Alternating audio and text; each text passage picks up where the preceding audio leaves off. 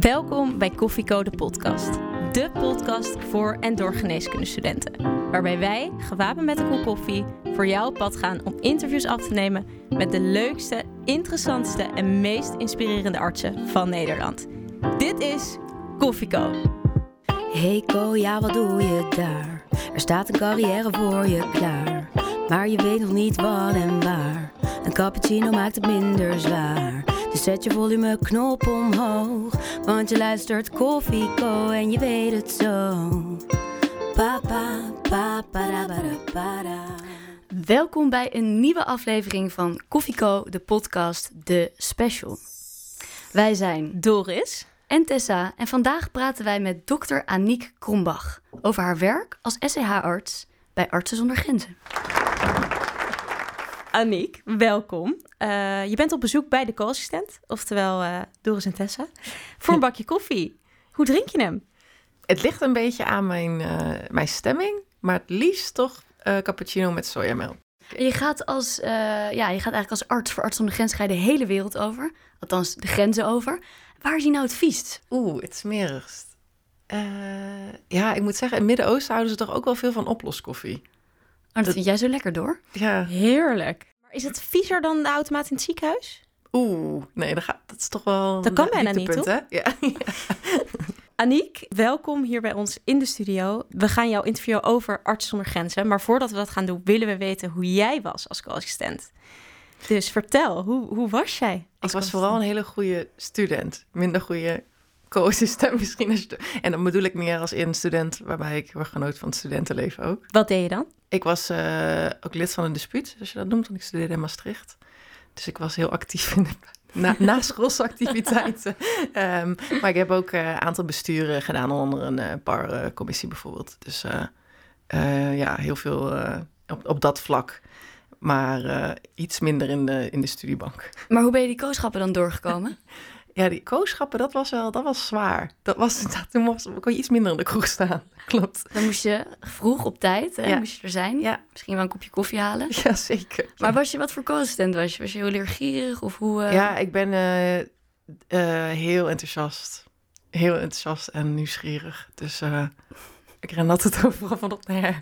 En ja, vond alles heel, eh, heel interessant inderdaad en heel nieuwsgierig. Dus in die zin wel eh, veel positieve beoordeling, omdat er aan enthousiasme niet te weinig, eh, niet te weinig was. Het was eerder een beetje te veel soms. Voordat we eigenlijk overgaan naar wat voor arts je uiteindelijk bent geworden. Ja. Namelijk, spoedeisende hulparts. Heb je die eerste buitenlandervaring al gehad tijdens je kooschappen? Ja, ja, en ik had in die zin eh, de mazzel dat ik in Maastricht studeerde en dat een hele eh, internationaal georiënteerde universiteit is. Dus daar kregen we veel mogelijkheden om naar buitenland te gaan. En ik hou gewoon van reizen en nieuwe culturen ontdekken en eh, andere landen zien. Dus ik ben inderdaad al tijdens mijn kooschappen, en ja, tijdens mijn kooschappen naar het buitenland gegaan. Waarheen? Eh, België heel ver. Nee, België inderdaad. dat was de eerste. Oh, ik was zo blij met België. En eh, ik ben naar Engeland geweest op de spoedeisende hulp. En ik ben uiteindelijk mijn laatste jaar naar Australië geweest, een half jaar. Oké. Ik ben dus nog niet naar de ontwikkelingsstand. Ik wou net zeggen, dat zijn Nee. geen landen waar je nu nee, werkt. Nee, klopt. Ja. Nou, hoe dat ervan is gekomen, dat gaan we, het zo, gaan we zo belichten. Maar je zei net, als je eenmaal eh, weet wat je wil, dan moet je niet meer zoveel zorgen maken over die kennis. Dat komt wel. Ja. Wanneer wist jij wat je wilde? Eh, na mijn studie pas. Ja, toen ik klaar was had ik geen idee. En eh, toen ben ik gaan aanjossen. En toen is het eigenlijk zo eh belletje een beetje gaan rollen. Want je ging aan Niels op de spoed, denk ik dan. Ja, klopt. Ja. Ik, een hele goede keus, denk ik, want heel breed. En kom je eigenlijk met alle, ook weer specialisme in aanraking in die zin. Ehm, en ik vond SCH toen wel al leuk, maar ik had wel twijfels ook met eh, andere vakken. Ik vond kindergeneeskunde bijvoorbeeld ook interessant. Ik heb ook nog gedacht aan tropengeneeskunde, alleen ja, de obstetrie is niet mijn favoriete eh, domein. Dus dat werd hem toen niet. En eh, nou ja, zo kom je dan vanzelf wel achter wat, wat past en wat niet. Ik denk dat dat het ook is. Meer kijken wat je kunt ook en waar je goed in bent. En niet alleen maar wat je leuk vindt. En wat zijn dingen van jou waardoor jij op de spoedeisende hulp paste? Ik hou van afwisseling. En als het dus druk wordt en je hart moet rollen, dan ga ik juist, word ik enthousiast en dan word ik blij. Ehm, en die onzekerheid, daar hou ik van. En daarnaast vind ik, eh, ben ik echt een teamspeler. Vind ik heel belangrijk dat je samenwerkt met eh, niet alleen je collega's, uh, de SH-artsen of, of de co of de artsenstem, maar ook de verpleegkundigen. En dat kan ik ik heel goed. En dat vind je terug op de SH. Dat vind ik wel iets wat heel anders is ten opzichte van veel andere vakgebieden. Ja, en sommige mensen zeggen gewoon: als ik niet weet wat ik vandaag ga doen, dan krijg ik al stress. Ja, dat vind ik juist heel fijn. Ja. Oké. Nou, over de SEH gaan we nog een uitgebreid ander interview doen. Maar jij zit hier aan tafel om iets anders. Je werkt namelijk bij Artsen zonder Grenzen. Ja. Vertel, hoe is dat op je pad gekomen? Ja, Artsen zonder Grenzen is toch zo'n organisatie waar je dan, uh, ook als je net pas in de studie zit, natuurlijk wel veel over hoort en denkt, wauw, dat is wel, dat is wel heel bijzonder. Dat is wel iets, soort van droom of zo. Dus dat heb ik wel altijd in mijn achterhoofd gehouden. En ik moet eerlijk zeggen dat ik ook wel aan getwijfeld heb, omdat je, nou, je denkt het is, uh, er wordt veel opoffering voor je gevraagd. Dat was mijn idee ervan. Ik had destijds een relatie en ik dacht, nou dan is dat einde van de relatie. Dus dat was, uh, dat, dat, dacht, nou dat kan dan niet samen. Ik heb wel altijd interesse gehad in werk in het buitenland en dan ook in uh, minder ontwikkelde landen of minder, uh, minder goed hebben dan wij. En dan zijn er meerdere mogelijkheden, maar Arts zonder Grenzen is wel een van de grootste en bekendste organisaties die er is dus toen ik klaar uh, was met mijn studie, ben ik toch maar weer eens gaan kijken van, goh, wat is er nou mogelijk? En hoe kun je daar dan werken? Wat, wat, moet je daarvoor doen, inderdaad? Ik wilde graag ook iets kunnen bijdragen in die zin dat ik kennis had en ook iets kon toevoegen als ik naar een land zou gaan. En voor mij betekende dat dat ik eerst een zekere of een specialisatie wilde afronden en het gevoel had dat ik ook die kennis had, voordat ik daarmee verder zou gaan voordat ik bij Arts zonder Grenzen zou gaan solliciteren. Dus dat is eigenlijk hoe het gegaan is dat ik besloten heb, nou, eerst spoedeisende geneeskunde doen, want dat vond ik echt geweldig en ik paste ook op de afdeling. Toen ik klaar was, begon het toch alweer te kriebelen en ben ik toch eens gaan kijken bij de, eigenlijk de vacatures en wat je daarvoor moet doen. Ja. Dus je wist tijdens die opleiding al van, ik ga naar het buitenland toe? Ja, dat, dat was wel iets wat ik graag wilde. Nog een tijd in het buitenland werken. Ja, maar of dat dan echt een ontwikkelingsland was... of dat ik bijvoorbeeld terug naar Australië zou gaan... dat had ik nog niet besloten. Maar dat wel. En dan ga je misschien vragen waarom. Ja. Ik vind het ehm, heel leerzaam om ook de medische cultuur en de ziekenhuis te zien in een ander land. En als je naar een westers land gaat, dan zijn er toch heel veel overeenkomsten, maar ook heel veel verschillen. En dan Noem je een aantal. Nou, bijvoorbeeld het vakgebied spoedeisende geneeskunde is in Engeland en Australië veel verder ontwikkeld dan het hier is. Um, dus toen ik daar op de SCH kooschap deed in Engeland, dacht ik, wauw, dit is echt heel bijzonder. En hoe ver ze hier al zijn en wat ze precies allemaal doen. En ook bijvoorbeeld dat je dan erachter komt dat jij als uh, geneeskundestudent eigenlijk al veel heel ver bent. Wij mochten heel veel praktische dingen al doen tijdens de opleiding. Of op dat moment uh, had ik dat al gedaan. En de studenten in Engeland waren heel goed in uh, veel kennis, heel veel uh, theoretische kennis, maar hadden veel minder praktische dingen gedaan. En dan daar ja, daar, daar krijg je ook weer zelfvertrouwen door. En dan leer je weer van hun en zij van jou. En dat zijn uh, bijvoorbeeld dingen als student waar ik veel aan had. Maar ook beseffen hoe een zorgsysteem in elkaar zit. En hoe ons systeem werkt en wat de voordelen en nadelen zijn. Ik denk dat het je een ander perspectief geeft. Dan hebben we het nog niet eens over cultuurverschillen gehad. Maar goed, daar leer je ook weer van. Terug naar Arts zonder Grenzen. Want we doen dus eigenlijk uh, geen specialisten pitch in de special. Maar we gaan je toch even voor het blok zetten, Aniek. Want we willen eigenlijk toch wel graag dat je even pitcht waarom werken voor Arts zonder Grenzen wat jou betreft zo leuk en bijzonder is? Voor mij is het werk bij Arts zonder Grenzen zo bijzonder omdat ik me in kan zetten voor de ongelijkheid die er bestaat in de wereld. Kan delen in de welvaart die wij hebben. En tegelijkertijd verre landen kan ontdekken, nieuwe culturen kan zien. Um, en echt iets kan bijdragen daar. Iedereen, ik denk elke luisteraar van ons kent Arts zonder Grenzen. Heel Nederland kent Arts zonder Grenzen. Maar kan je eens uitleggen hoe die organisatie is opgebouwd? Hoe solliciteer je daar? Hoe word je daar aangenomen? Hoe werkt het? Ja, het is een hele grote organisatie. Er zitten nu in meer dan 70 landen ongeveer wereldwijd. Er zijn iets van 65.000 uh, werknemers overal. En wat wel interessant is om te weten, en dat, dat besefte ik bedenk ik niet voordat ik uh, voor Arts zonder Grenzen werkte, is dat um, ongeveer 90% van de werknemers vooral in uh, de landen waar ze werken lokaal is. Dus je werkt heel veel met nationale werknemers. En dan um, en de, de rest is dan experts, zoals we het noemen. En uh, de organisatie is oorspronkelijk uh, begonnen in Frankrijk. Dat weten jullie misschien wel, in Parijs. Mm. En daarna is het eigenlijk ja, veel groter geworden in Europa. En het begon echt als dokters, um, maar ook een beetje... Ze waren ook journalisten, dus dat was de basis. En nu is het een organisatie die veel meer doet dan alleen maar medische zorg leveren.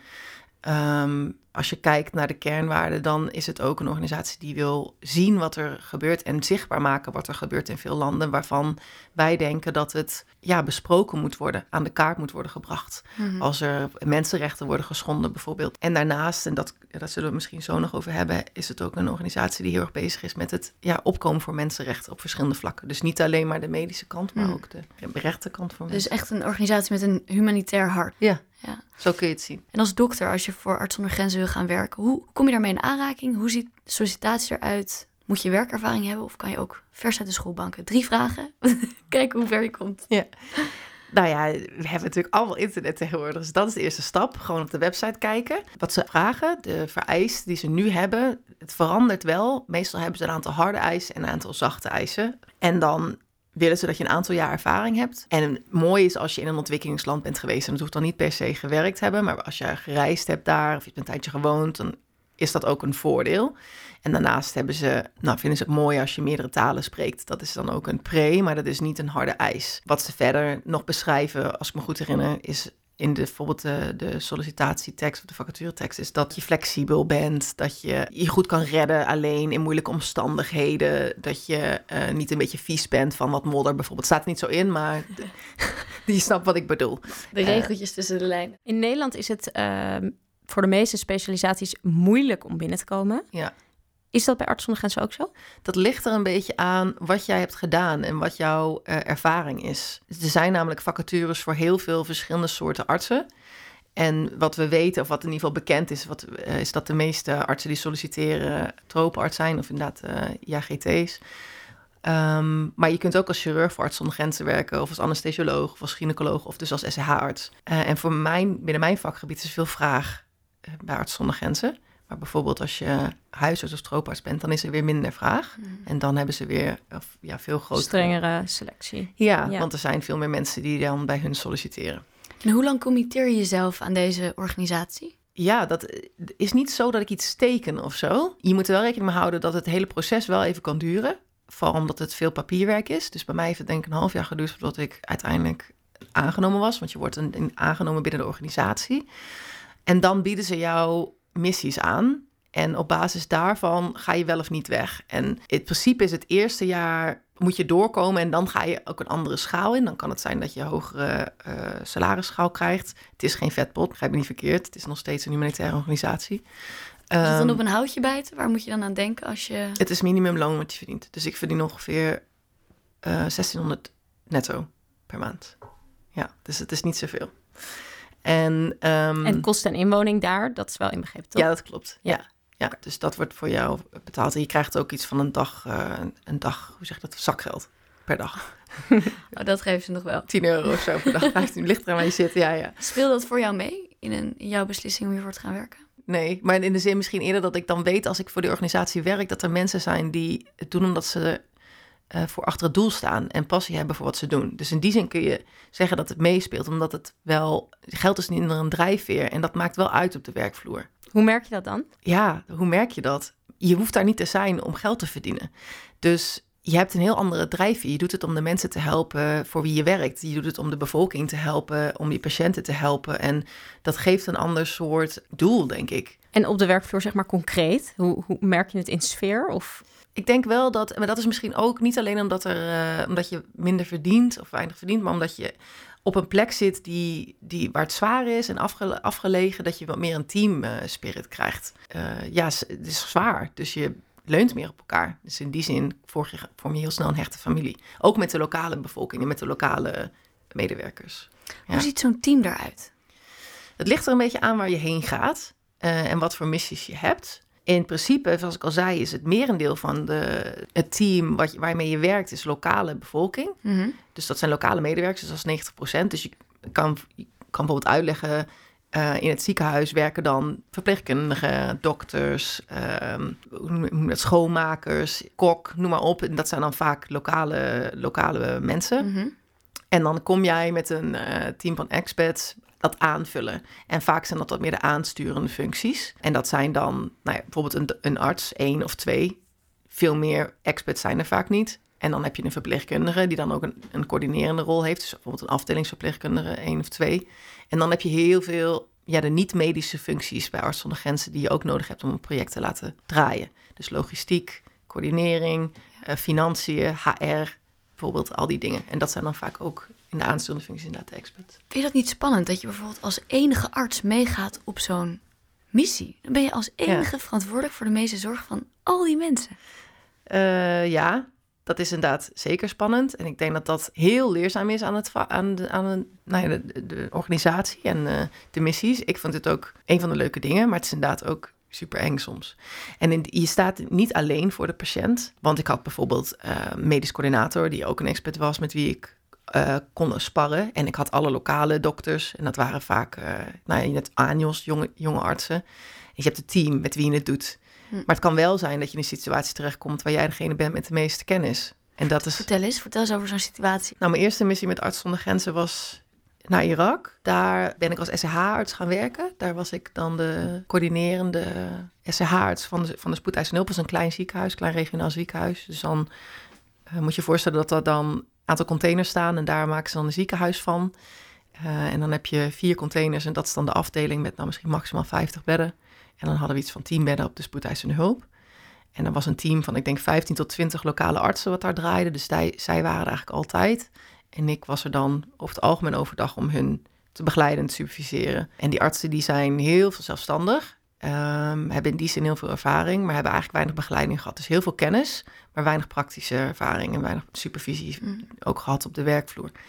Dus dat deed ik dan en daar begeleidde ik ze in. En op dat moment was het zo dat in dat ziekenhuis we heel veel patiënten kregen met brandwonden daar is dat een van de specialisaties van Arts zonder Grenzen in dat gebied. Hadden zij een brandwondencentrum, mm centrumpje. En normaal gesproken was er een anesthesist die dan uh, de ernstig zieke brandwondenpatiënten zorg deed. Superviseerde met de jonge artsen, maar die, daar was een gat op dat moment toen ik er was. Dus toen werd mij gevraagd, goh, wil jij anders begeleiden? Want we hebben zoveel patiënten en de jonge dokters vinden het best wel lastig. En het is ook lastig, want het is heel ingewikkelde zorg soms. Hele zieke patiënten, eigenlijk gewoon IC-patiënten, intensive care patiënten. Maar ja, ik ben niet opgeleid als intensivist. Ik ben opgeleid als SCH-arts. Dus dat kan ik wel, maar dat is voor mij ook wel moeilijk. Dus ik heb ook veel in de boeken gezeten daar en, dingen opgezocht. En uh, ja, ook thuis uh, vriendinnen die ook uh, arts zijn gevraagd van... Goh, kun je me een beetje helpen? Want ik vind het best lastig, zeg maar. En ook daar supervisie gevraagd. Dus dan heb je bijvoorbeeld een contactpersoon in Frankrijk, een intensivist met wie je kan overleggen. Ja, dan ben je wel degene, dan kom je als jonge SCH-arts en ben je eigenlijk net, ik was net klaar, met, ja, iets meer dan een jaar klaar met mijn specialisatie. En uh, toen was ik verantwoordelijk, eigenlijk eindverantwoordelijk voor de, voor de ernstig ziekste patiënten daar. Dat was wel heftig. Voor jou was dat spannend, maar hoe werd werd erop gereageerd door de lokale dokters? Dat jij daar dan komt van, hé, hey, ik kom het even, kom even zeggen hoe het moet. Eigenlijk heel mooi, ja, want dat is ook wel wat dan goed is om te weten, is dat daar voornamelijk mannen nog arts zijn. En uh, dat, ja, het is een cultuur waar man-vrouw verhoudingen heel anders zijn dan hier. Dus er waren heel weinig dokters nog vrouw.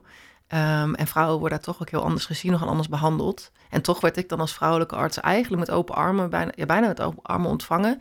En waren ze heel um, ja, respectvol naar mij toe en namen ze me heel serieus.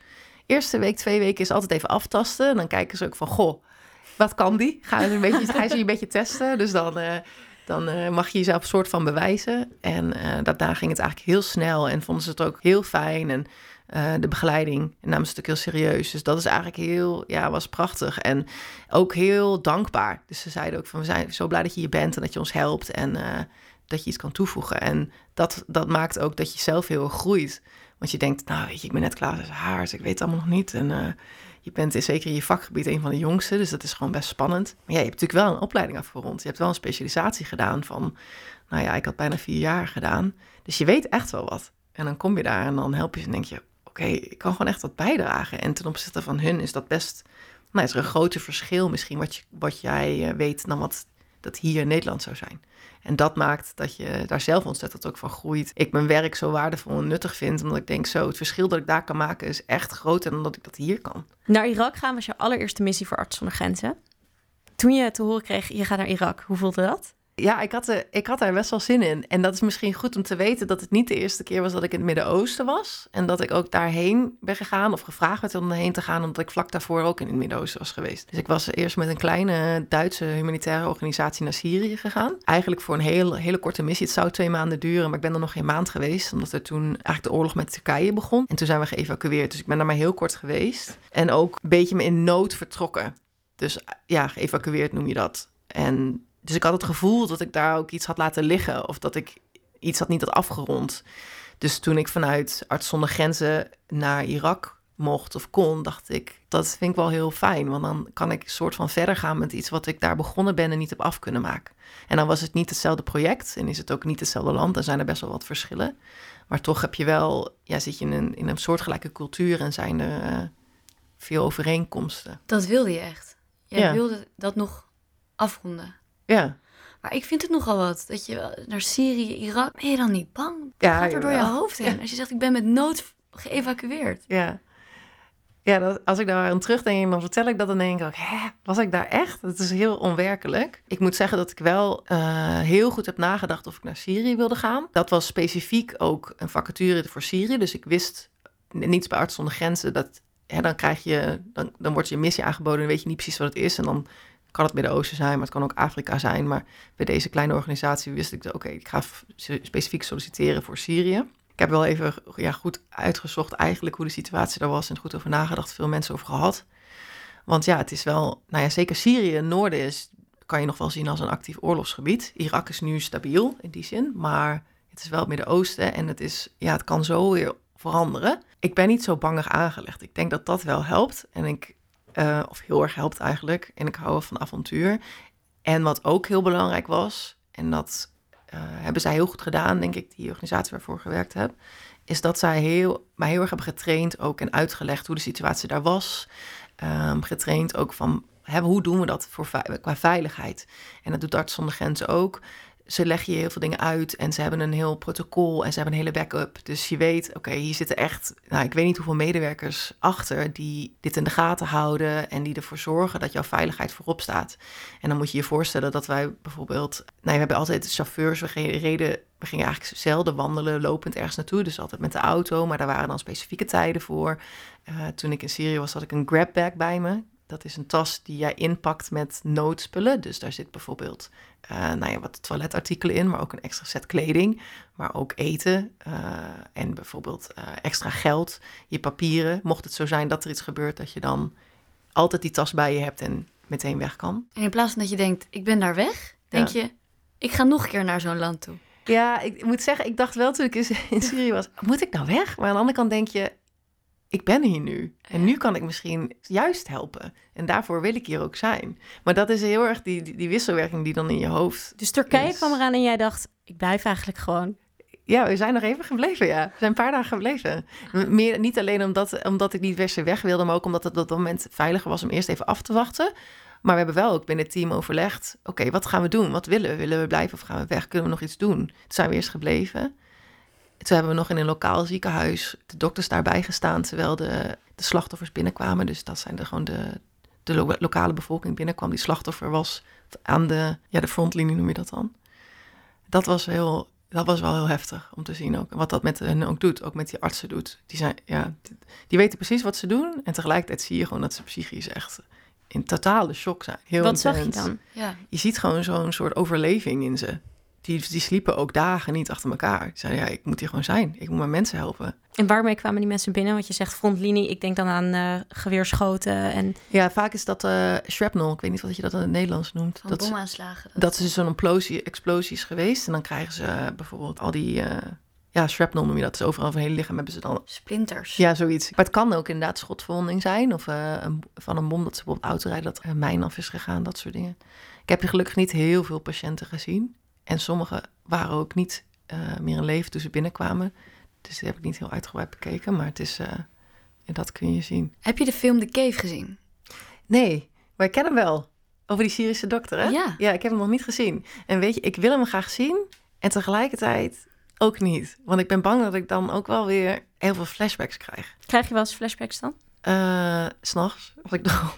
ja, en niet alleen, niet alleen dat het in één keer dan, dat je dan in één keer een flashback hebt, maar het is ook gewoon emotioneel. En ik heb daar wel moeite mee gehad toen ik daar wegging om dat te verwerken. Ja.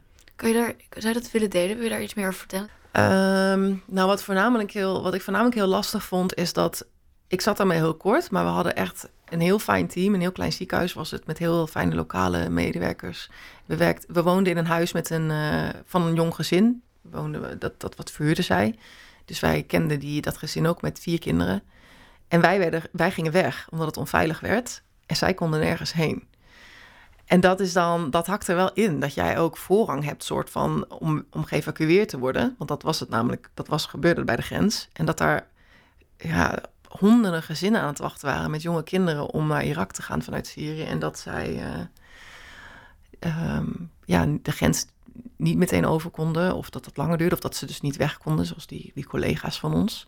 En toen um, zijn wij met het team eerst in Irak gebleven. En toen waren wij allemaal wel een soort van zombies of zo. Ik weet niet hoe ik dat uitleg, maar je bent gewoon emotioneel een wrak.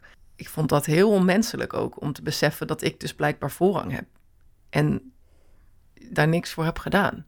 En daar mensen achterlaat die net zoveel recht hebben om ja, te vluchten en ergens anders heen te gaan dan ik dat heb. In je flashbacks denk je eigenlijk terug aan hoe het nu met hen zou gaan? Ja, ja, ik heb soms ook wel contact met ze. Maar ik moet zeggen dat ik ook de periode daarna bewust minder bezig ben geweest met wat er precies allemaal nog gebeurde daar aan de grens. Want wij waren, we zaten er bovenop om bijvoorbeeld te horen waar precies bommen eh, vielen en uh, hoeveel mensen dan gewond waren. En dan hoorden we ook van uh, de lokale Rode Kruis dat die bijvoorbeeld gewond waren of ontvoerd werden, dat soort dingen. Maar ik, kan er, ik kon er niets aan doen. Dus dan heb ik ook bewust eigenlijk gezegd, nou dan ga ik het nu even niet meer volgen, want anders dan blijf ik hier emotioneel gewoon heel erg veel last van hebben.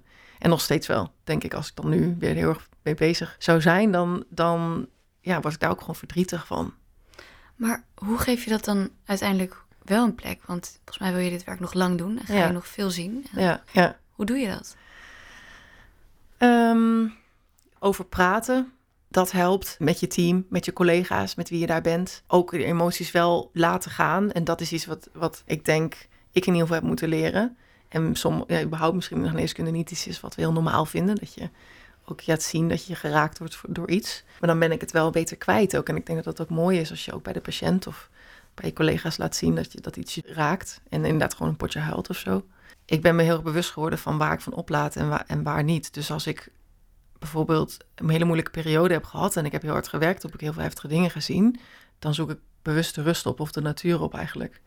Om die balans weer te vinden. En dat geeft me dan een soort van berusting. Dat ik niet alles kan veranderen. Dat het leven doorgaat en dat er ook mooie dingen zijn. Maar het is wel een uit, blijft een uitdaging. Psychologische hulp krijgen we vanuit de organisatie, vooral voor Arts zonder Grenzen. Dus daar heb ik ook zeker gebruik van gemaakt. Psycholoog bellen, met hun praten. Ja, dus er zijn meerdere mogelijkheden. Um, kan iedereen het aan om voor Arts zonder Grenzen te werken of niet? Ja, dat is een goede vraag. Ik zou mijn eerste antwoord zou zijn: het is niet voor de weak-hearted. Je moet inderdaad wel het aandurven. En aan de andere kant denk ik ook dat je dat kan leren. Na deze eerste bijzondere missie ben je opnieuw in een vliegtuig gestapt. Ben je naar Irak gegaan. Heb je een patiëntverhaal van jouw tijd in Irak? Ik, ja, ik heb wel patiëntverhalen die me heel erg bijblijven van hele zieke patiënten. Je moet je voorstellen dat in Irak bestaat ambulance service niet. Dat is er niet. In heel veel landen in de wereld überhaupt niet. Dus een patiënt komt aan met familie of vrienden, wordt gebracht door de auto. Dus ze was uh, um, midden de nacht en uh, een jong meisje van vier jaar werd gebracht door haar familie omdat ze benauwd was. En ze waren eerst naar een uh, verpleegkundige in het dorp gegaan of nou, iemand die een soort van verpleegkundige was. En die had gezegd, nou, zij is heel ziek, ze is benauwd, ze moet maar naar het ziekenhuis. Minstens drie kwartier rijden tot een uur rijden kwamen ze bij ons binnen. Zij was zo benauwd dat de arts die daar was, uh, nee, die heeft haar behandeld met zuurstof en salbutamol, luchtwegverwijders, maar ze werd niet beter. En toen ik ochtends in het ziekenhuis aankwam, zag ik haar en was ze heel suf en niet goed aanspreekbaar.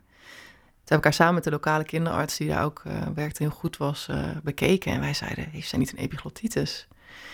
En toen zijn we gaan behandelen daarvoor, dan vernevel je adrenaline. En het werd beter in eerste instantie hoorden we meer stridor. Dus dat denk je dat het slechter wordt, maar dat betekent dat ze meer luchtweguitwisseling kreeg. Dus toen werd het in die zin beter. En toen leek ze op te knappen. Ze, ze werd ook, uh, ja, het kreeg betere saturaties. Dus we dachten, nou, dit gaat de goede kant op. toen stonden we naast het bed en toen, uh, op een ander moment ging zij braken. En twee seconden later had ze geen pols meer. Stopte haar hart ermee. Toen zijn we begonnen met reanimeren. Ze hebben denk ik een half uur doorgereanimeerd. En het werd niet beter. En toen uiteindelijk hebben we moeten stoppen. En toen is zij voor onze ogen dus overleden. En toen waren wij alle twee, en ook de verpleegkundige, helemaal emotioneel. Ehm, ja, omdat we haar toch verloren hadden en dat we eigenlijk dachten dat het beter ging. En achteraf gezien was het meest waarschijnlijk omdat zij al zoveel zuurstoftekort had geleden in de periode dat ze, voordat ze het ziekenhuis was terechtgekomen, aan haar brein, maar vooral ook haar hart. Dat dus die hele kleine uh, ja, druppel eigenlijk deed overlopen van dat braken, waardoor ze niet genoeg lucht binnenkreeg en mogelijk nog geaspireerd heeft ook. En het hart stil is gaan staan en toen was het einde verhaal. En ik weet nu dat ik dat niet had kunnen, beter kunnen maken. Dat ik ook haar waarschijnlijk niet had kunnen redden. Maar op dat moment denk je wel, oh, het wordt iets beter, weet je wel. We, we gaan, we gaan ze, gaat de, ja, ze, ze, gaat de bocht nemen. Ehm, maar dat was niet zo. En dat is iets dat, dat hangt, ja, dat heeft te maken met het systeem. Dat je dus, dat mensen niet op tijd bij het ziekenhuis zijn. En dat kan ik niet veranderen. Ja. En in Nederland had dit. Had, ja, ja, had ze het gehaald. Hoogstwaarschijnlijk.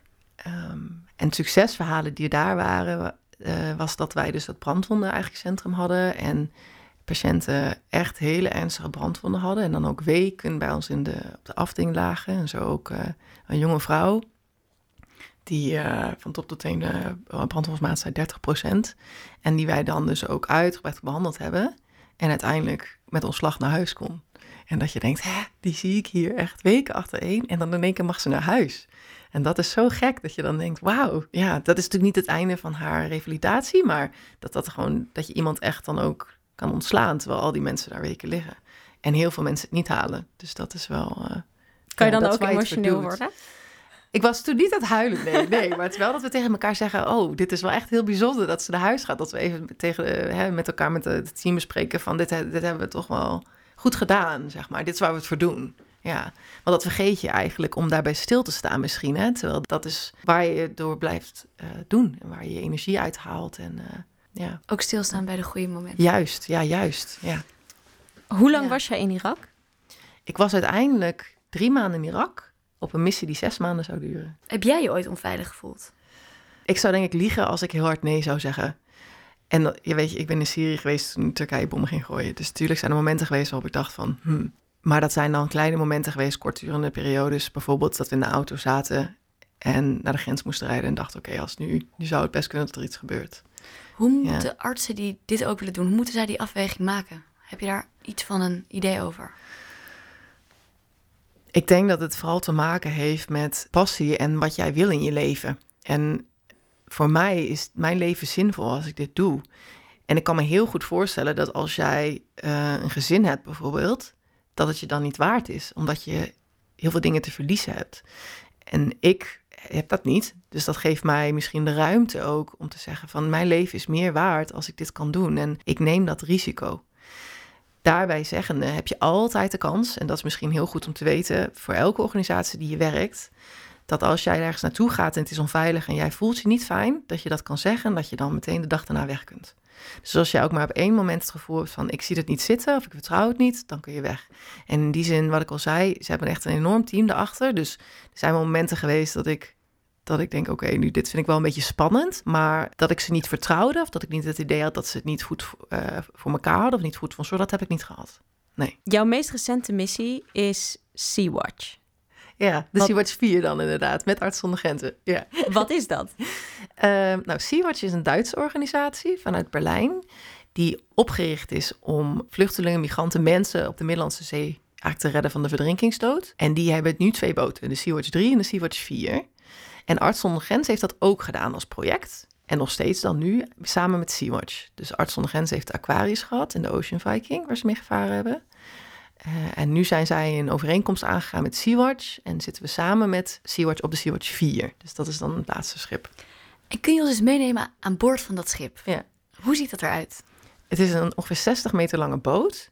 Wat eerst een onderzoeksboot was. Wat betekent dat er allemaal stellages op zitten. En dan, ja, een boot is, je moet, het is gewoon zo'n enorm metalen ding. Ik weet niet hoe ik het anders uitleg. Uh, waarbij je hele zware ja, metalen deuren hebt als je naar binnen wil gaan. En je hebt hele kleine ruimtes. Dus je hebt een kleine uh, woonkamer en je hut is... Uh, nou ja, misschien twee bij twee, die je dan ook nog deelt met iemand. Van die stapelbedjes. Dus het is een, ja, je kunt het een, soort van extreme werkomgeving ook wel noemen. Want het is, een, het is eigenlijk een soort fabriek op het water. Er zit een enorme machinekamer bij en uh, generatoren die alles draaien en houden die de boot uh, laten varen. En daar zit dan ook ja, een ziekenhuisje in. Daar hebben wij dan een ziekenhuis gemaakt, een kleine kliniek. Met twee bedden was er op de Sea-Watch en op Sea-Watch voor. Twee bedden voor al die drenkelingen die jullie willen gaan redden. Ja. Ja. En jij als enige arts. Ja, dat klopt. Ja. Je beschrijft nu een leeg schip. Ja. Met metalen deuren en kleine hokjes. Ja. ja. Maar dat, dat schip blijft niet leeg, toch? Nee, dat, Hoe? dat liefst niet. Want wij willen mensen redden. Ja. Kun je eens vertellen hoe dat in zijn werk gaat? Nou, we, we zijn dan met een crew van... We waren met een crew van 28 mensen aan boord. En vertrekken vanuit de haven om naar de internationale wateren voor Libië te varen. Want daar weten we, eh, vanaf eigenlijk eh, rond Tripoli, dat daar de meeste eh, bootjes vertrekken. En we hebben daar nu vijf dagen over gevaren. Het ligt aan waar je vertrekt. Dit was vanuit Spanje. En in de tussentijd doen we trainingen om ons voor te bereiden op reddingsmissies, dus met de reddingsboten. En als we daar aankomen, dan beginnen wij eigenlijk met ja, zoeken, zoals je dat kunt noemen. We hebben een radar. Daarop kunnen we, kunnen we boten spotten. Je kunt kleine bootjes zien als ze metalen delen hebben. Dan zie je ze op de radar. Eh, we hebben een aantal andere bronnen waar wij van kunnen horen dat er boten gezien zijn. Bijvoorbeeld eh, Sea-Watch heeft vliegtuigjes die rondvliegen. De Moonbird onder andere en de Seabird. Dus die vliegen in het gebied en die kunnen ook bootjes spotten. Maar ook Alarmphone is een eh, humanitaire organisatie die meldingen binnen kan krijgen van boten die in, in nood zijn. En daarnaast kijken we met verrekijkers zelf of we niet iets missen. En als we dan een bericht krijgen van zo'n bootje, dan zijn we meestal nog best wel een eindje verderop eh, met de grote boot. Dan varen we die richting op en dan vanaf een bepaalde afstand lanceren we dan de reddingsboten, de, de RIPS noem je, de speedboten. En dan gaan de twee daar naartoe en die zijn dan, dat is eigenlijk de reddingsactie. Zo zet je een reddingsactie op. En je komt aan bij die boot. Ja. Wat tref je daar aan? In principe altijd een boot in distress, zoals we dat noemen. Dus een boot die in nood is. En dat is zo omdat alle bootjes die vertrekken ehm, met vluchtelingen, migranten, asielzoekers vanuit de kust bij Libië niet vaarveilig zijn. Dus ze zijn niet zeewaardig, zoals we dat noemen. Ze hebben vaak geen ehm, navigatie, te weinig benzine om de overtocht te maken. Ze hebben geen of weinig reddings, reddingsvesten voor de mensen aan boord en ze zijn overvol. Dat betekent dat de kans dat zo'n boot ja, te water raakt, een schipbreuk ontstaat, heel groot is.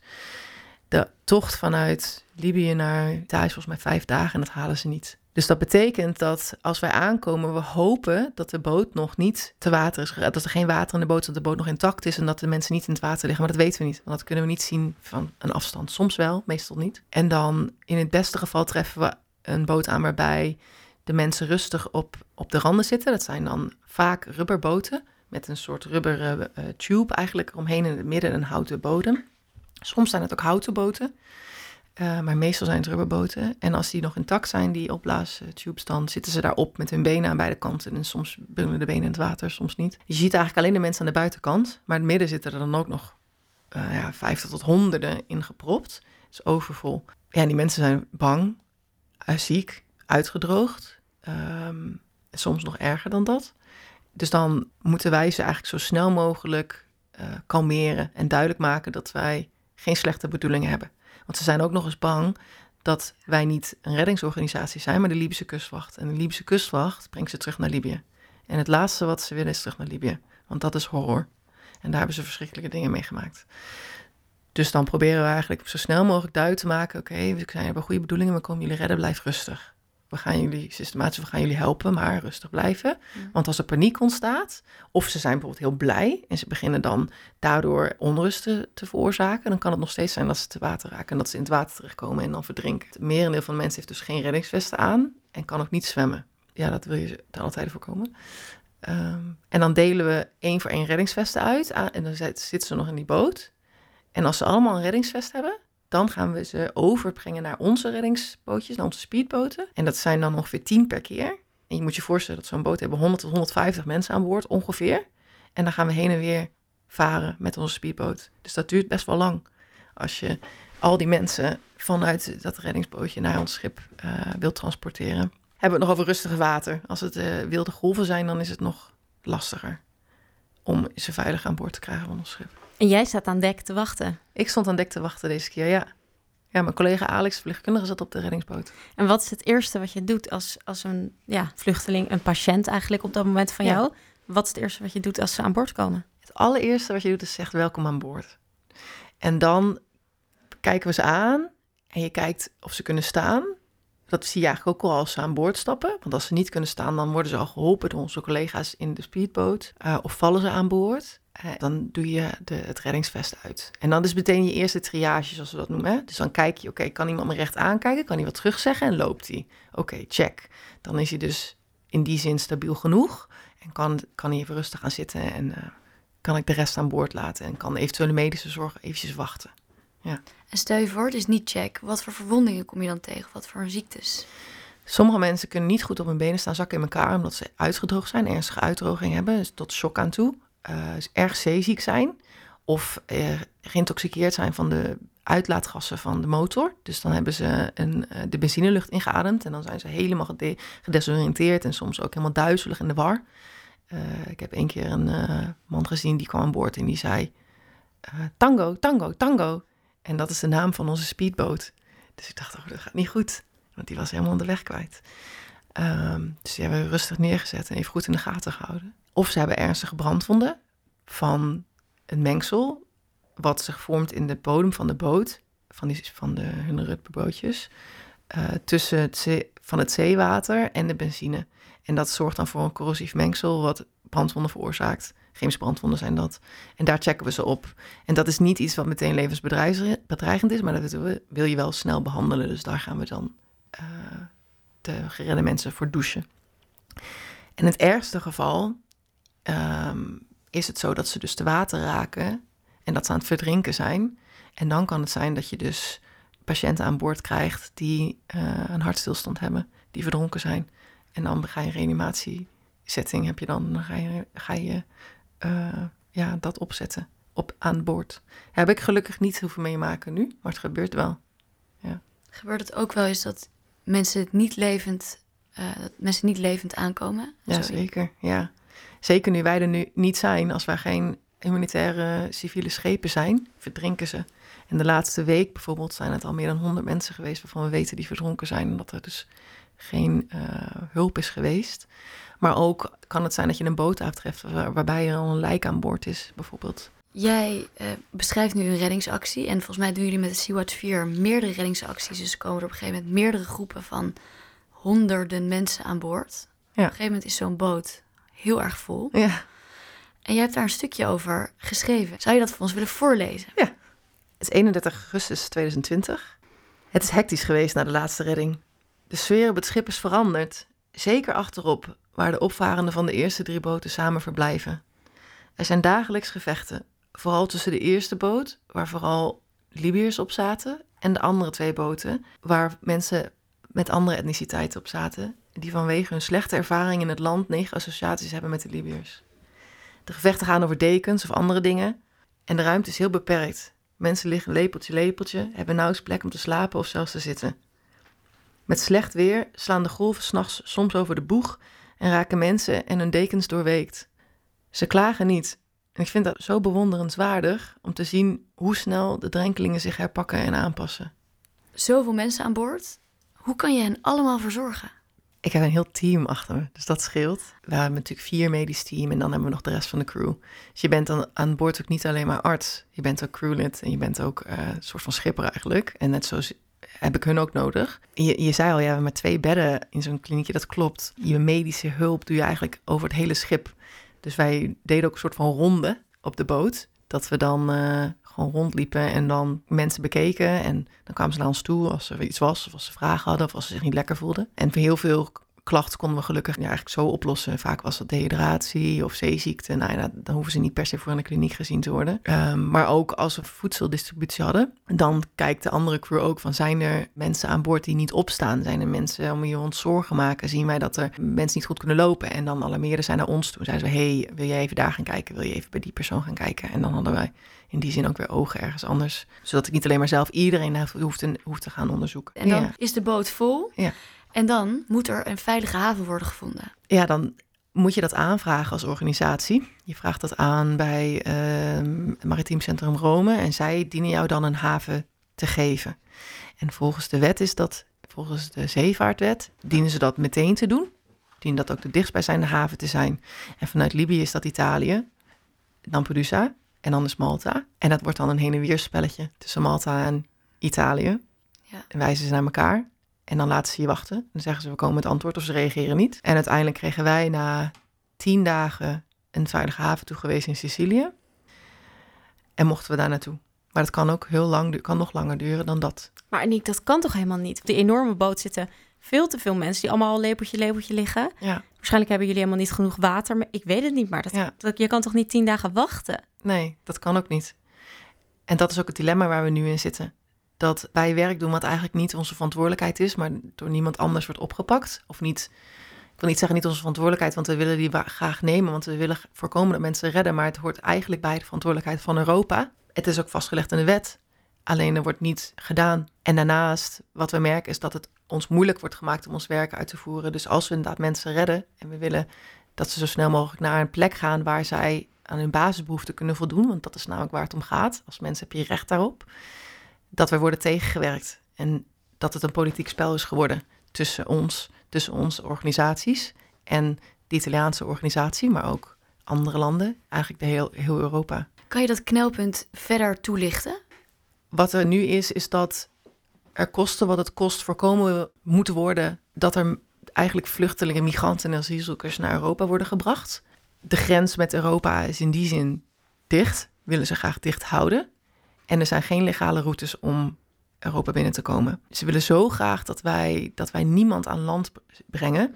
Dat dat betekent dat ze liever hebben dat er mensen verdrinken. En dat wij op allerlei manieren worden belemmerd in ons werk. En dat is dus en door te voorkomen dat wij mensen aan land kunnen brengen door te zeggen, nou ja, we hebben geen haven of je wacht maar en uh, ze wijzen naar elkaar. Maar ook bijvoorbeeld door ons extra lang in quarantaine te laten zitten na de missie. Dus we moesten extra lang in quarantaine, extra testen doen. En nu is het zo dat de boot letterlijk aan de ketting ligt ehm, vanwege een rechtszaak, omdat er dan wel punten worden gevonden waarop wij niet kunnen varen. Dus bijvoorbeeld dat er te veel reddingsvesten aan boord zijn en dat we daarom niet zouden mogen uitvaren. Of omdat we niet goed geregistreerd staan als reddingsschip, terwijl er geen andere mensen zijn die die mensen redden. Hmm. Het is een enorm juridisch politiek spel op dit moment. Met mensenlevens. Wat doet het met jou? Het, ik, zie, ik zie je. Ja, je ziet dat ik boos word, ik denk zie het vuur in je ogen, zeg maar. Ja, Als ik hier nu over praat, dan word ik inderdaad boos. Ja, frustratie ook vaak. Ja, en ook wel verdrietig.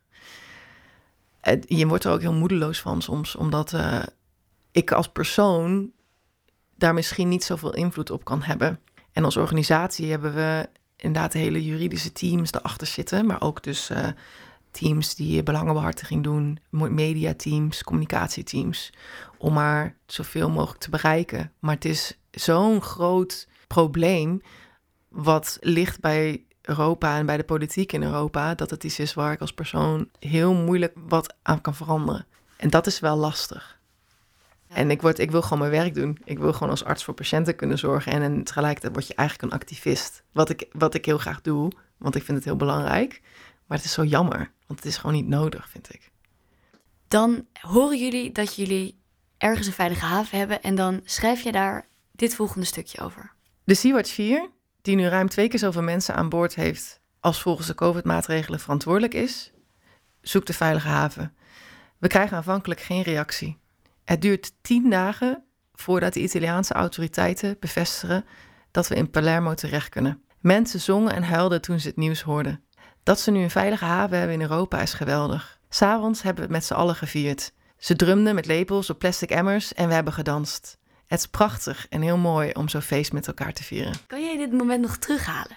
Ja, ja. dit was, het hoogtepunt van de hele missie. Ja, dat was geweldig. Want we hadden dus de boodschap eigenlijk medegedeeld. En toen begon iedereen te joelen. En kwamen ze ook naar ons toegelopen en ons omarmen en huilen en bedanken heel bijzonder om dat te zien ook. En vervolgens werd er s'avonds een feestje gebouwd. En alleen maar dansen en springen en alle disputen, zeg maar, die er waren, de oneenigheden waren allemaal opgelost. En de hele boot omhelste elkaar en was met elkaar helemaal, eh, ja, eigenlijk even een blij moment in al die, die tien dagen van wachten en hopeloosheid. En het is dan ook heel mooi om dat als crew te kunnen delen met de mensen die je gered hebt. En ook voor hun, om ons denk ik op een bepaalde manier ja, erbij te hebben of te bedanken. Ik weet niet precies, maar... Wat betekent dat voor die mensen? Hoop, ja. En dat is prachtig dat je dat kan bieden. En tegelijkertijd is het ook wrang, want wij weten, wij weten dat de situatie in Europa zeker niet makkelijk zal zijn voor ze. Ehm, maar in ieder geval hebben wij ze op dat moment gered van een nog ergere ja, toekomst in Libië of zelfs de verdrinkingsdood. En dat is waar we het voor doen. Mensen gaan met een reden weg uit Libië, dat heb je duidelijk gemaakt. Maar wat is nou precies de reden dat mensen daar weggaan? Ze hebben vaak geen andere keus. Het is kiezen tussen leven en dood. En dat is wat ze ook tegen ons zeggen. Van we gaan liever dood op zee dan nog langer in Libië blijven. Want daar zitten ze in detentiecentra, waar ze worden misbruikt, als slaven worden verhandeld, um, uitgebuit worden, verkracht, getraumatiseerd door, door verwondingen, door wat ze zien. En ze kunnen vaak niet zuidelijk het land uit. Dus dan is de enige weg vooruit zo'n boot in. En dat je zo wanhopig bent en dan soms zelfs als kind zonder ouders die keuze maakt om die overstap te doen om te zeggen: ik ga liever dood dan dat ik hier blijf. Dat zegt denk ik al genoeg over hoe erg het daar is. En dat kunnen we ons denk ik niet goed voorstellen. Dat je dus het risico dat je doodgaat, dat je dat neemt. Omdat je geen andere, andere uitweg ziet. Jeetje, ja. Er is ook veel discussie over jullie reddingswerk. Ja. Want ik quote hier: hoe goed bedoeld het reddingswerk ook is, Ja, speelt het volgens Europese regeringen mensensmokkelaars in de hand. ja. Ja, en dat is, dat is eh, de discussie die er eigenlijk is, de twee partijen die hier over elkaar staan. En daar krijg ik ook persoonlijk wel mee te maken van mensen die inderdaad zeggen op, op social media dat wij eh, ervoor, ervoor zorgen dat mensen doodgaan. Kun je dat eens uitleggen aan de luisteraar? Want hoe, Ja. waarom? De theorie is dan dat omdat wij er zijn, dat mensen, dat mensen daarom in bootjes stappen en vertrekken vanuit Libië. Of dat mensen smokkelaars daarom die mensen sturen, omdat ze weten dat er NGO-schepen zijn, civiele reddingsboten. En dat is nooit aangetoond. Daar zijn studies naar geweest. Oxford Universiteit heeft onder andere een studie gedaan. En daar is geen ehm, correlerende factor tussen gevonden. Wat we wel weten, is dat, wij noemen dat de push-factor, en dit noemen ze de pull-factor, dus dat wij een aanzuigende werking zouden hebben, dat die er dus niet is, maar dat er wel een push-factor is, namelijk de oorlog in Libië en de mensonerende omstandigheden waar ja, mensen in leven als ze daar zijn. En ook bijvoorbeeld weersomstandigheden die van invloed zijn op vertrekken. En wat voor mij de allerduidelijkste bewijs is, is dat als wij er niet zijn, die mensen gewoon hartstikke doodgaan. En dat zien we. Dus ook al zijn wij er niet, vertrekken ze nog steeds. Ja. En dat geeft aan dat het echt niet zo is dat wij, als wij daar varen, dat ze dan vertrekken. Het is echt een heel moeilijk vraagstuk. Dit, dit migratievraagstuk is eigenlijk een van de grootste thema's binnen de Europese Unie, wat voor ontzettend veel verdeeldheid zorgt. Ja. En er is geen oplossing. Nee, er wordt veel gepraat en er wordt niks gedaan. Dat is het probleem. Wat is volgens jou de oplossing? Er zijn meerdere oplossingen, maar ik denk dat vooral belangrijk is dat, er, dat wij niet worden belemmerd. Eén, want er, is, er zijn geen andere boten die redden. Europa heeft nu geen reddingsacties. Dat hadden ze wel in het verleden, die hebben ze allemaal stopgezet. Wij worden in ieder geval belemmerd en dat moet gestopt worden meteen. Zodat we in ieder geval kunnen voorkomen dat er mensen doodgaan, omdat er alleen maar gepraat wordt en er geen afspraken worden gemaakt. Ik vind niet dat mensen op zee de dupe moeten worden omdat wij in Europa geen knopen kunnen doorhakken. Er zijn gewoon geen duidelijke afspraken over welke landen welke mensen opnemen en dus laten ze mensen maar doodgaan. En daarnaast moeten is het belangrijk dat er legale routes zouden komen waardoor, waardoor er überhaupt niemand in bootjes stapt. En dan kun je het nog hebben over echte hulp in landen in Afrika of in Libië om te voorkomen dat mensen überhaupt vertrekken. En dat is heel ingewikkeld. Dat maakt het ook zo lastig. Wat zou je nou tegen de Europese regering willen zeggen? Release the ships. Ja? Laat ons vrij. Ja, dat is het allerbelangrijkste nu. Voor mij op dit moment. Ja. ja. Het werk wat je doet, ook in Irak en ook wat je hier op het schip doet, als ik dat zo hoor, gaat dat ook gepaard met enorme adrenaline kick. Ja, Het is spannend. ja. In hoeverre speelt dat een rol in jou, waarom je dit doet? Zeg maar, je doet dit om te helpen, dat is 100%. Maar Ja. het lijkt me ook dat geeft ook een kick. Ja. Ehm, ja, ik ben, ik ben natuurlijk SCH-arts. Dus in Ja. die zin ehm, heeft dat wel, is dat iets wat ik altijd aantrekkelijk heb gevonden in het vak. Ik denk dat ik het ook goed kan. Eh, en het is ook inderdaad deels mijn drijfveer. Ja, dat klopt. Je leert er ook mee omgaan. Dus dat maakt het dat het voor mij misschien minder een adrenalinekick is dan dat het in eerste instantie was. Maar ik ben wel iemand die van avontuur houdt. Ja. Hoe reageert jouw omgeving op wat jij doet? Ja, ze vinden over het algemeen krijg ik heel veel eh, positieve reacties en heel veel steun en respect ook. Vinden ze het heel knap en heel mooi dat ik dit doe. Ik moet zeggen dat ik doe dit nu bijna twee jaar. Dus nu weten ze ook dat dit mijn leven is en dat ik dit waarschijnlijk nog wel even blijf doen. Dus zijn ze er in die zin aan gewend als ik zeg, nou, ik ga weer naar de boot. Eh, maar in het begin was het ook wel lastig. Dat mensen ook zeggen van, nou, of mijn familie of vrienden zeggen van, eh, goh, ik vind het ook wel spannend dat je inderdaad naar Irak gaat of naar zo'n boot gaat. Of ik vind het wel een beetje eng. En dat begrijp ik ook. Ja, dat begrijp ik ook. Je had het in het begin over een relatie. Ja, Is die er nog steeds? nee. Nee. Is dat wel een optie met dit werk? Ja, en dat is misschien een goed eh, iets om te bespreken. Want ik dacht dat oh, dat kan allemaal niet. Maar je kunt je leven ook binnen dit soort werk zo invullen als jij het wil. Jij kunt invloed hebben op hoe lang je ergens naartoe gaat. Je kunt aangeven hoe lang je een missie wil hebben. En je hebt bijvoorbeeld met een zes maanden missie of een negen maanden missie... heb je ook altijd vakantie tussendoor. Dus er zijn meer dan genoeg mensen, collega's binnen Arts zonder Grenzen... die je kent die dan bijna twee weken weer naar huis gaan na drie maanden. Betekent wel dat je inderdaad periodes er niet bent, maar je kunt elkaar wel tussendoor zien. Dus ja, ik heb nu zeker wel de, de, de hoop dat dat allemaal, allemaal goed samengaat. En ik deel het op dit moment zo in dat ik eigenlijk elke keer nadat ik weg ben geweest, twee, drie maanden even in Nederland ben en even wat anders doe. Of ik ga op vakantie, of ik neem even pauze, of even rust. Om er weer wel goede energiebalans te houden. Dus ik denk dat dat prima kan, ja. Kan je ook iemand meenemen? Kan je ook je partner meenemen? Niet in de eerste missies, nee. nee het is sowieso niet het eerste jaar. En daarna weet ik het niet precies. Ik denk wel dat er mogelijkheden zijn. En again, volgens mij kun je best wel je leven dan zo indelen als je zelf zou willen. Ja, We zetten altijd een vraag uit bij, eh, bij de luisteraars. En heel Ja. veel mensen wilden echt weten van hoe combineer je nou een leven en ook gewoon een liefdesleven met zoveel weg zijn. ik denk dat je vooral een standaard idee van een relatie los...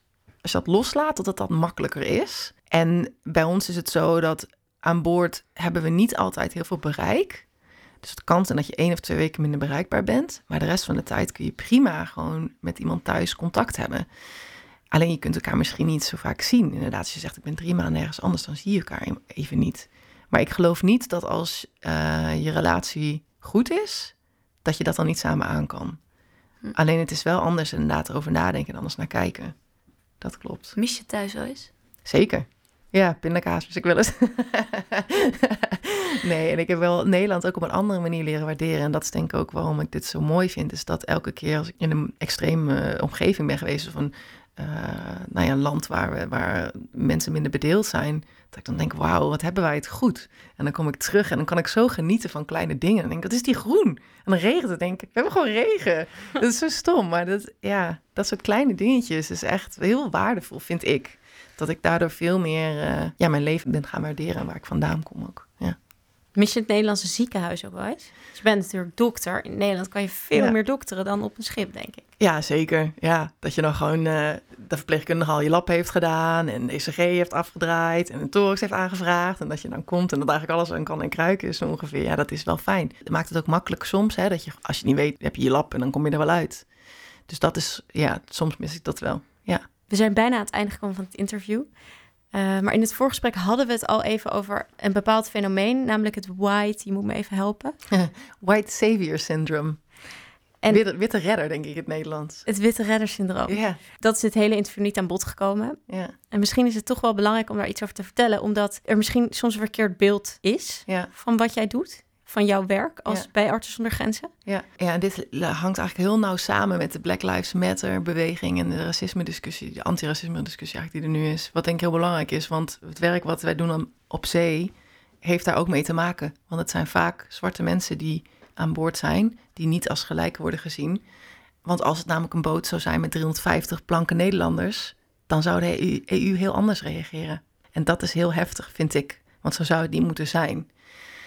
Maar wat wel zo is, en daar zijn wij als organisaties gelukkig heel goed mee bezig, humanitaire organisaties, is om ook meer verschillende etniciteiten in de organisatie te hebben. Maar het is wel zo dat voornamelijk blanke mensen toch nog helpen eigenlijk.